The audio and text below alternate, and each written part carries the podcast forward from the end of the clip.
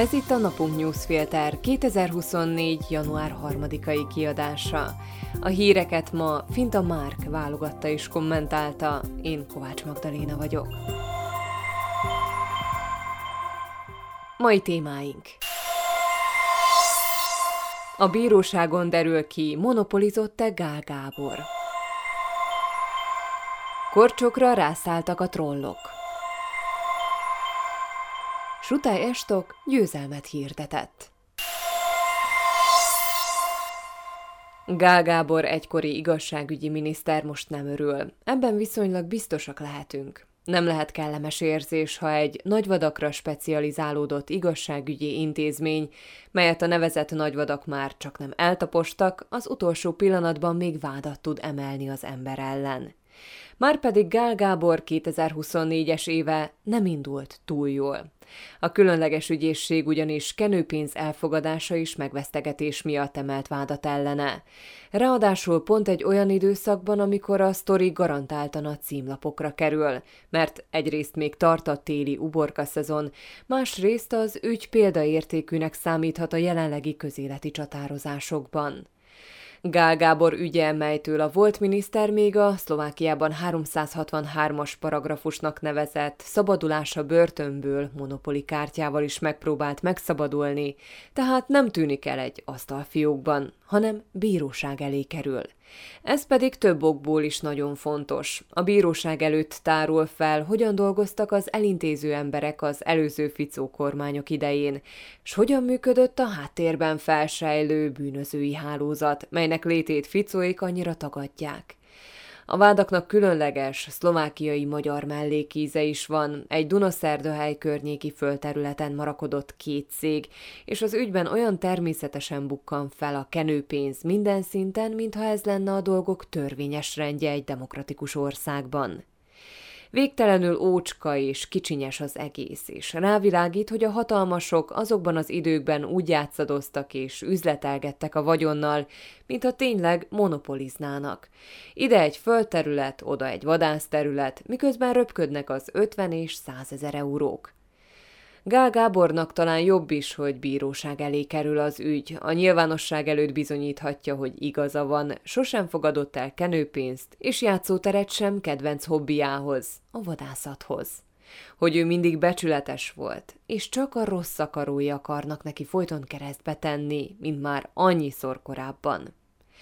Abban az esetben azonban, ha a bíróság ellene ítél, nem csak az bizonyosodik be, hogy amit Gál furcsa ügyeiről plegykáltak sokan, nem teljesen alaptalan, hanem az is megerősítést nyer, méghozzá sokat gyára, hogy a különleges ügyészség fontos eleme az igazságszolgáltatási rendszerünknek, mert olyan ügyekkel foglalkozik kiemelten, amelyeket pont a szőnyeg alá söpörnének a 21. századi hűbérurak és hatalmasok s hogy a különleges ügyészség egy olyan intézmény, amelyért megéri tüntetni azoknak, akik azt akarják, hogy az országot ne hűbérurak irányítsák.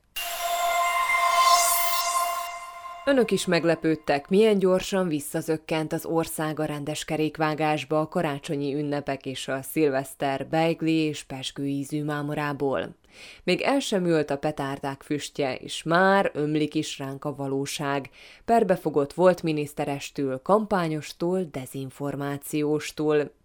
Jön ugyanis az államfőválasztás, a kampány és az ezt megelőző álhír cunami.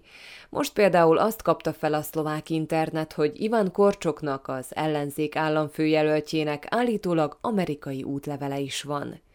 Korcsok proaktívan lépett fel a dolog ellen, videóban tagadta, hogy lenne amerikai útlevele, és feljelentést is tesz. Ezzel tulajdonképpen átveszi az irányítást a sztori felett, beledolgozza a saját kampányába és felerősíti a Szlovákiában valóban létező dezinformációs troll farmok témájáról szóló diskurzust a közbeszédben. Mindez pedig egyáltalán nem rossz dolog. Ugyanakkor ez nem jelenti azt, hogy a téma elhal. A trollok továbbra is éltetni fogják. Korcsok számukra amerikai csicska lesz, soros ügynök, pont mint Zuzana Csaputová. A trollok és a lejárató kampányok így működnek. Ha harcolni kezdesz velük, még hangosabbá válnak. Erről tudnának mesélni páran, mondjuk Jessica Aro, finn újságíró, aki Putyin trollfarmjait leplezte le, és pokollá tették az életét vagy a magyarországi lejárató kampányok áldozatai, akikről a Valótlanul című 444-es dokumentumfilm szól. Ez az amerikai útleveles sztori egyébként tökéletesen rámutat arra, hogyan működik a valódi és az alternatív sajtó. Mikor Jubos Blahával, a Smer Kreml propagandistájával kapcsolatban terjedt el a közösségi oldalon, hogy orosz útlevele lehet, a valódi sajtó pillanatok alatt szedte darabjaira az álhírt és az útlevélről szóló hamis képet.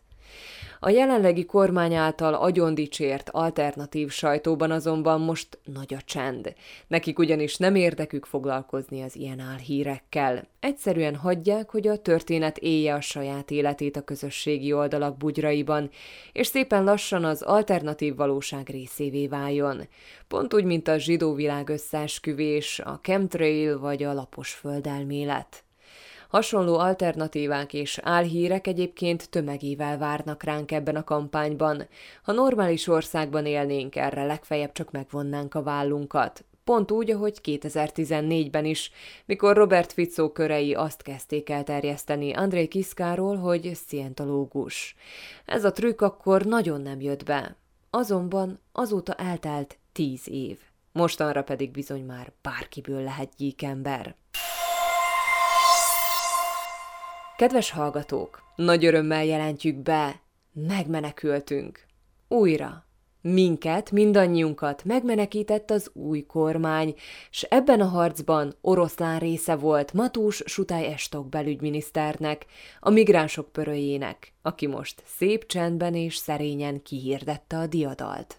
A kormány ugyanis nem hosszabbítja meg a szomszédos országokkal közös határon végzett ellenőrzéseket. Január 22-én a szlovák-magyar határról eltűnnek a rendőrök, hiszen egy árva migráns hordát sem látott senki hónapok óta. A szegény rendőrök és katonák tehát nem áldogálnak majd nagy kabátba bújva a határon, ahogy eddig tették, és pár hónappal megkésve bár, de végre végezhetik tovább a valódi feladataikat. Suta Estok pedig boldogan pózolhat a megmentő szerepében. Az, hogy teljesítmény nincs mögötte, eddig sem zavarta. Büszkén feszített a nagy migráns elrettentő akció éjszakáján is, mikor vízágyukkal és lovasrendőrökkel várták a menekülteket október végén, csak hát azok nem akartak megérkezni. Persze újabb menekült hullámok érkezhetnek majd a jövőben, annak esélye azonban, hogy megismétlődnek a nyáron tapasztalt nehéz idők, viszonylag alacsony, de nem sutályestok miatt hanem azért, mert Szerbia hosszú idő után nemzetközi nyomásra és a választási kampány miatt tavaly késő ősszel végre rendet tett az északi határán. Valós intézkedésekkel és erővel számolta fel az embercsempész bűnszervezeteket, és kezdte őrizni a határát. S ha ezt fenntartja, akkor valószínűleg megváltozik a balkáni migrációs útvonal is, valószínűleg Bosznia-Hercegovinán át Horvátország felé. Suta Estok azonban ragaszkodik a migránsok pöröje eposzi jelzőhöz, így nem várható tőle, hogy a valóságot közölje majd az emberekkel. Erre pedig nem is kéri majd senki. A ficói álvalóságnak szüksége van saját hőseire. Hírek egy mondatban. Ján Kubis egykori külügyminiszter összegyűjtötte a 15 ezer aláírást az államfőjelöltséghez, így Iván Korcsok mellett hamarosan ő lehet a második hivatalos jelölt. Legalább 103 ember halt meg két robbantásos merényletben Kassem Szulajmáni sírjának közelében az iráni Kermán városában. A brutális terrortámadásért egyelőre senki sem vállalta a felelősséget. 2020 óta a szlovák háztartási energiaárak mindössze 28%-kal emelkedtek. Ez a második legalacsonyabb emelkedés az Európai Unióban. Az élen Csehország áll, ahol három év alatt 89%-kal nőttek az energiaárak. Magyarország a középmezőnyben végzett 53%-os emelkedéssel. 2544 aláírással zárult a Bukovszki László, Rigó Konrád és Ravasz Ábel nevéhez köthető petíció, amely célja a kisebbségi kulturális alapesetleges megszüntetésének megakadályozása volt. Először lépte át a százezeres határt a Szlovákiában dolgozó külföldiek száma. Számuk régóta növekszik a munkaerőpiacon, kétötödük Ukrajnából érkezett. Tomás Taraba környezetvédelmi miniszter egyetért a pozsonyi LNG terminál felépítésének tervével. Rendkívüli hideg és hó okoz fennakadást Észak-Európában. A skandináv országokban helyenként mínusz 40 fok alá csökkent a hőmérséklet, Norvégiában autópályát zártak le, Svédországban megbénult a vonatközlekedés. A mai napunk newsfilter híreit válogatta és kommentálta Finta Márk. Én Kovács Magdaléna vagyok, a Viszonthallásra holnap.